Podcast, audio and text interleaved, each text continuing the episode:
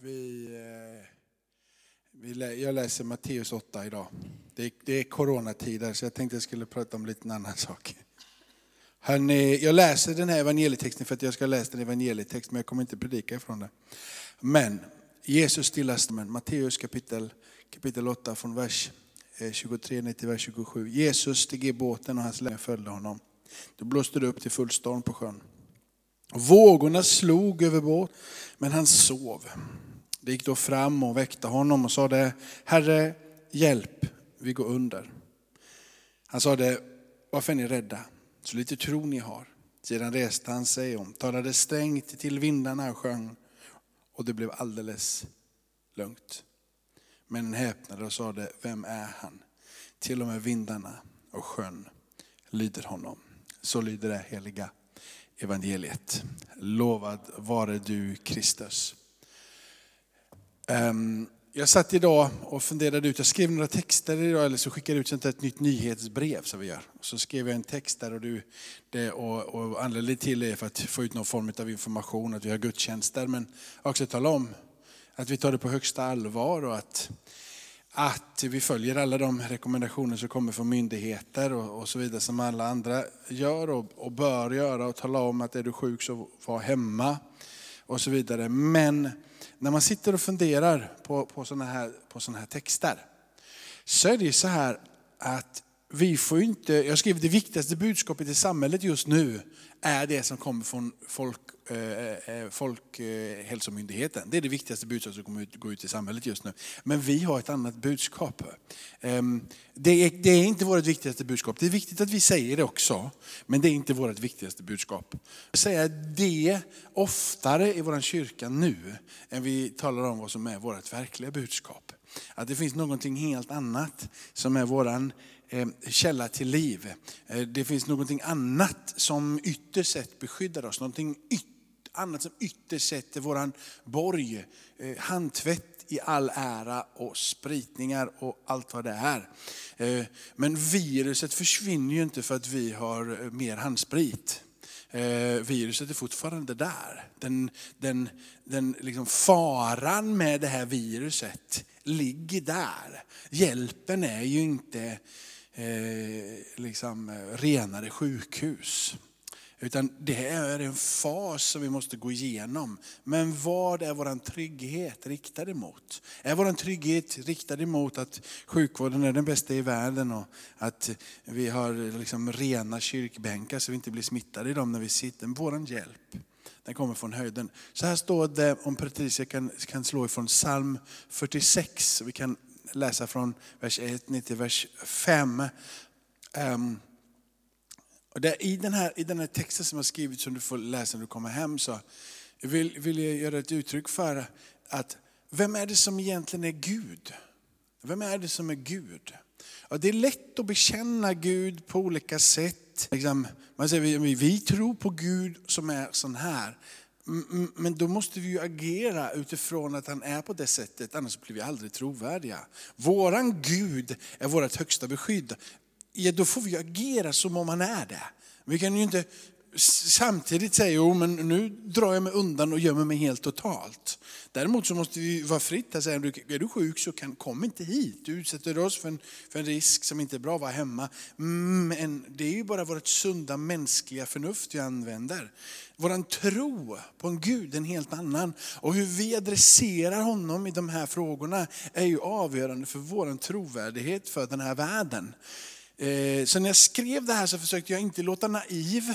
Det vill säga att jag, vi, vi blundar och sätter huvudet i marken och börjar säga Gud är med. Utan vi, vi skriver det och säger det på ett sätt så att till och med våra grannar skulle kunna läsa det och tycka att ni är ju ganska förnuftiga ändå. Men jag märker och ser och förstår att ni tror att det finns en Gud. Den känslan vill man adressera att han är vår hjälp, han är väl beprövad. Gud, du är vår tillflykt och du är vår styrka. Är det på det sättet? Är det så för dig och är det så för mig? Är det så att han är en hjälp i nöden väl beprövad? Eller blir de här bara ord som du slänger ut dig för att dämpa din ångest, men egentligen har de inte sjunkit djupt i ditt hjärta så de har blivit ett motvärn på din insida. Utan du säger de här orden, men när du kommer hem så när tvn är på för länge och de corona, corona, corona, corona, corona, corona, corona, corona, corona, corona, corona, och det är corona och till slut har du hört corona så många gånger så till slut så det enda du tänker på är corona. Corona, corona, men så klär du du Bibeln och du hör det här Bibeln och så han är min hjälp i nöden, väl beprövad. Corona, corona, corona, corona, corona, corona. Ju mer du döper dig själv med det där corona, corona, corona, corona, till slut så kommer du tänka corona, corona, corona, corona, corona, corona. Corona, corona, corona, corona, corona, corona, corona. Eller hur? Vilket gör att du och jag får tänka smart. För det vi fyller vårt huvud med, våra sinnen med, det är det som är psykologerna som sitter i tv-sofforna idag, när de sitter där och, och pratar och, och, håller på. Så säger de, ja vi ska ju vi tar det här på fullaste allvar. Och vi ska, men tänk på att pratar vi om det här hela tiden, att vi inte ska vara rädda, så är det det första vi kommer bli. Det är att bli rädda. För du nämner det hela tiden. Det är ungefär som du säger att, liksom, ja, du lägger en sån rymd till det där ordet. Det blir hela din värld. Så pratar du om att jag ska inte vara rädd för corona, till slut så kommer du bli den första som blir rädd för corona. För det är det som upptar din värld. Det är det som upptar hela ditt psyke. Hela din, men vad är det du vill ska vara i ditt sinne? Vad är det du vill ska vara på dina läppar? Vad är det du vill ska vara på ditt huvuds främsta Pling plong. Och nästa fråga som, som, i den här, som, som kommer upp ifrån salmen, det är, är han en hjälp i nöden? Är han väl beprövad? Och i den här texten som jag skrivit det där, så vill jag ut för att om han nu är väl beprövad i ditt liv så kan ju du vara frimodig. Men om han inte är väl beprövad i ditt liv, det är inte din egen erfarenhet, så förstår jag om du vacklar. Men pröva då Gud vid det här tillfället och se för han bär dig igenom. Pröva Gud nu där du är. Pröva och testa om han bär. Pröva och testa om han är den han säger att han är. Han tål att prövas. Han är en hjälp i nöden, väl beprövad. Varför räds vi? Därför räds vi inte om jorden viker och bergen stöter ner i havet och vågorna brusar och svallar så att bergen bävar vid dess uppror. En ström går fram med flöde som ger glädje och Guds stad, den högstes heliga boning. Han säger, jag är den ni kan pröva. Låt mig få vara er tillflykt. När det böljar och bänder och vrider i världen så låter jag mitt på den platsen det strömma en flöda rakt in i Guds stad, den högsta heliges boning. Jerusalem, rakt ut ifrån tältet, tabernaklet, platsen där Gud har sin plats av närvaro. Så låter han det både strömma både in och ut och beröra hela den plats som är Guds. Vilket idag får representera hans församling, vad den nu än är. Han är där två, tre är samlade i hans namn. Hörde, om rädsla och fruktan som finns nu, om rädsla och fruktan eh, på rädsla och fruktan på utsida är ju inte samma sak som rädsla och fruktan på insida. För det som är på utsida, det kan storma och bölja rejält om det som är på din insida är fyllt av frid. Det vill, det vill säga att om, om, om, om du idag är orolig för att du inte har ett jobb imorgon, så kommer du att reagera olika hur du har det i din plånbok. Om du har jättemycket pengar i din plånbok så spelar det inte jättestor roll om du blir av med, med jobbet imorgon. Men om du har väldigt lite pengar i din plånbok och du blir av med jobbet imorgon så kommer det betyda att du är ja, lite, lite mer orolig än om du har mycket pengar i din plånbok. Det vill du ha på din insida av deposition, av ja, men dina muskler som du har tränat upp, utav hur mycket har du förlitat dig på Gud? Hur, hur har du riktat ditt sinne? Vad är det du har matat ditt liv med? Vad är det som finns på din insida? Vad är det du har i din ficka om det nu börjar storma på utsidan? Frid och trygghet är ju inte frånvaro av fara. Utan det är närheten till Gud. Det är där som tryggheten och friden är. Det är inte frånvaro utav någonting, utan det är närvaro utav någonting. Och det är den där närvaron som vi ska sträcka oss efter, istället för att sträcka oss bort ifrån det som är farligt. Jesus kallar ju oss att gå in i områden och inte vara orolig. Inte dra oss ifrån och gömma oss. Han talar tydligt att vi ska vara salt och vi ska vara ljus och vi ska vara staden på berget. Vi ska vara en offensiv församling som inte gömmer sig och blir ängslig och rädd utan går fram. I samma tider, eller i dessa tider så blir det samma sak. Vi fruktar och vi räds inte. Vi är smarta, vi är förnuftiga. Vi låter inte bara alla sjuka komma hit. Det är bättre att de går till sjukhuset. Men vi står samtidigt upp och säger att det finns någonting som överträffar allting. Och den är Guds kärlek som du och jag äger, skriver jag, i överflöd. Guds kärlek i överflöd. Vi ber den bönen varje tisdag här. Vi kommer be den ikväll igen. Att det som vi nu har tagit emot, det vi nu äger i överflöd. Låt oss ge oss det till en värld som lever i mörker. Låt oss få vara det ljuset. Att du kommer hit och hämtar kraft för att gå härifrån och beröra någonting med det som du har fått. Platsen där frid ger. Så här står det i Jesaja 9 om Patricia, hon är så sjukt snabb så hon hänger bara med direkt när det bara händer. Jesaja 9, vi läser den här vid jul. Advent, jag tror att det är, det är fjärde adventstext. Jag läser den här minst en gång om året här i församlingen. Eller vi läser den minst en gång om året. Jesaja kapitel 9 och från vers Eh, från vers 6. Då står det så här, och det tycker jag är så underbart, att ty på ett barns axlar vilar herradömet. Ett barn blir oss fött, en son blir oss given. Och på hans axlar vilar herradömet och hans namn är, och eh, det här skrev vi också ut idag, han är underbar rådgivare eller är den allvise härskaren. Mäktig Gud, evig fader, fridsförste, så ska, så ska herradömet bli stort och friden utan slut räcker där. Friden utan slut. En fullst frid. Underbar rådgivare eller allvis härskare. Det ordet, när du slår upp det ordet och försöker liksom titta vad betyder grundtexten, så, där, så betyder det att det finns en förmåga i den här guden att i alla tider, genom allt, alltid ta goda råd, eller ge goda råd med, för allas bästa. Det är, inte, det, är inte, det är inte att han tar ett beslut som gynnar Roger på bekostnad på mig. Eller gynnar Israel på bekostnad på Sverige. Utan han är den allvise härskaren som gör de bästa besluten till hjälp för alla. Det finns liksom ingen begränsning i hans sätt, för han ser allt, han vet allt, han har all makt i himmelen och på jorden. Så de beslut han tar, de på något sätt fostrar, hjälper och föder fram hans eviga beslut i alla tider. Jag gillar den här äh, kontrasten i den här första versen. Att det är ett barn som blir oss fört och på hans axlar vilar herradömet.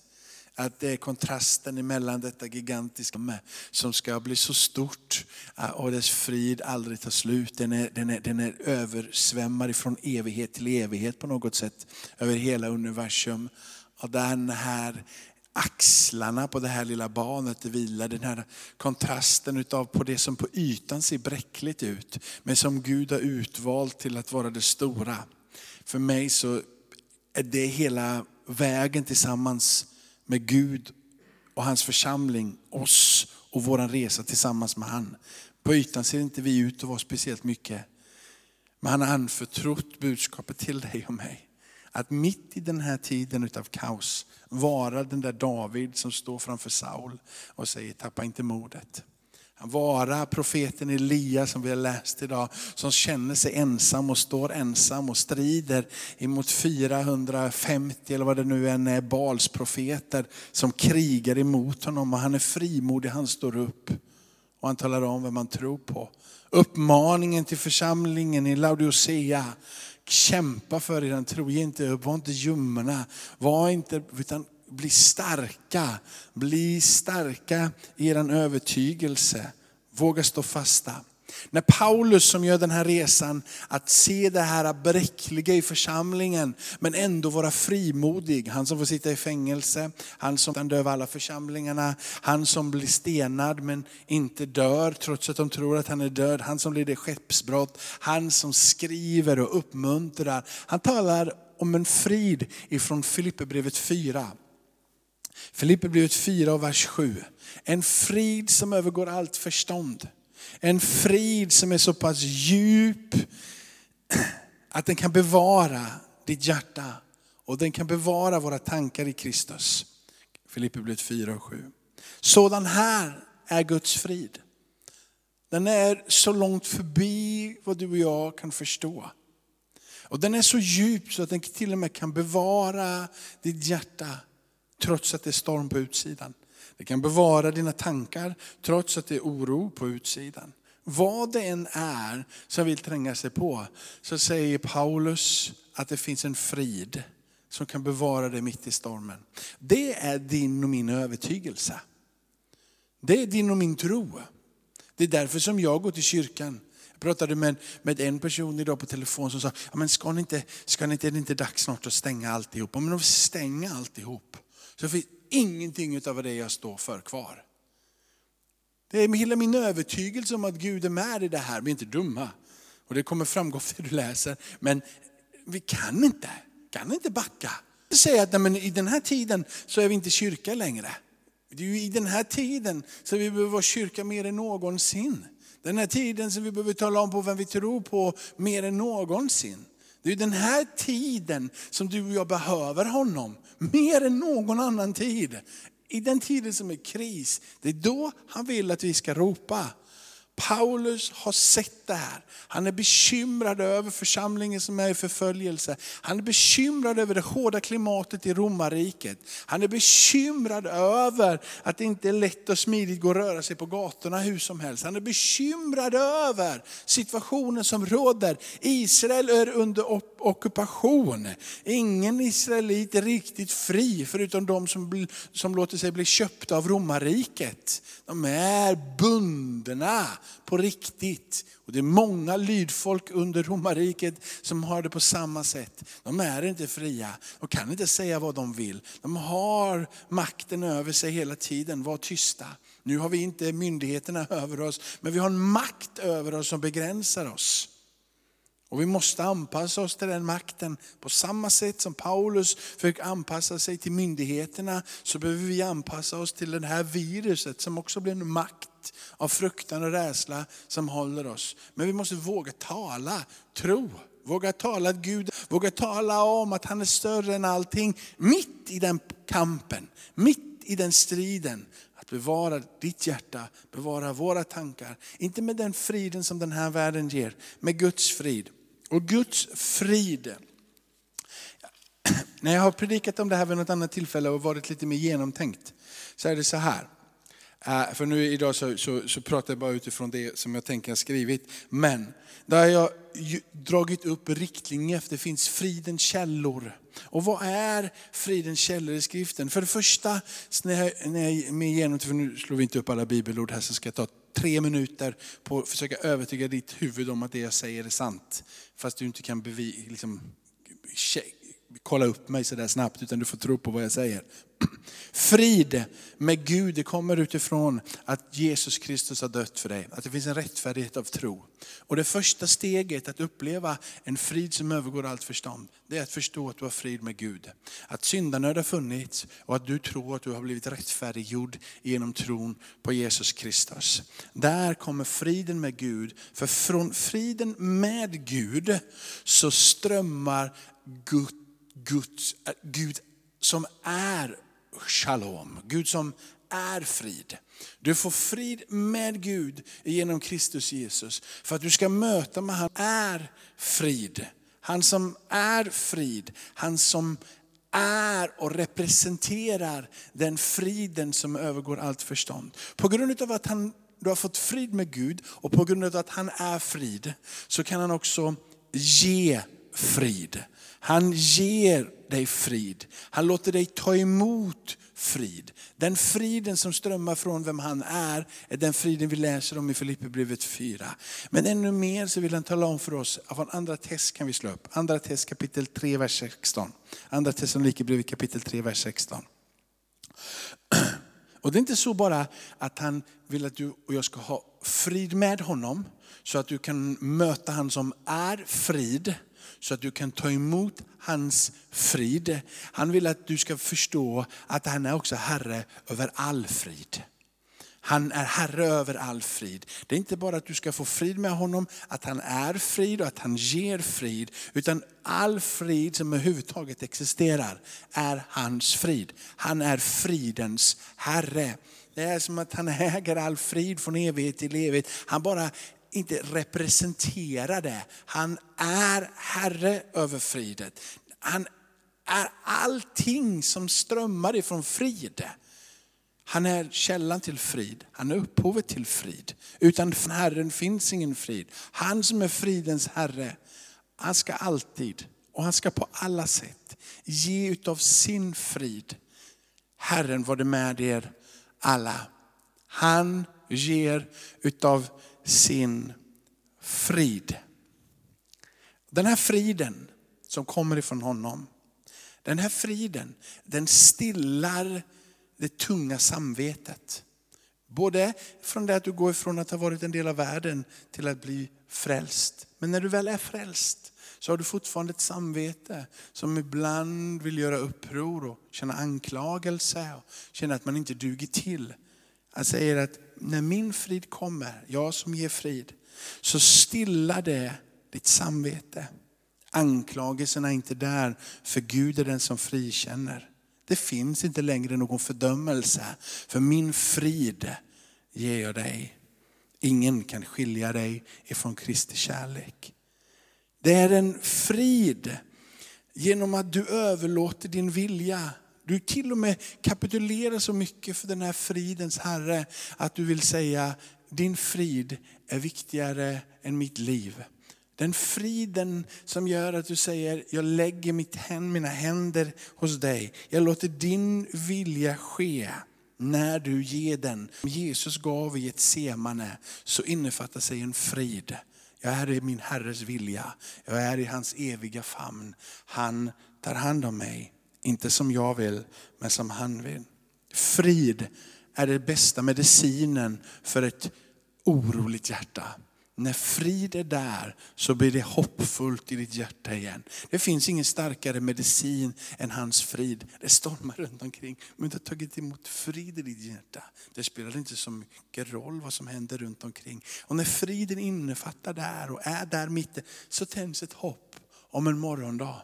Jag kan stå mitt i detta och jag kan ändå uppleva frid. Tänk den dagen jag har gått igenom den här perioden. Det finns ett hopp som föds utifrån ett frid och ett stilla hjärta.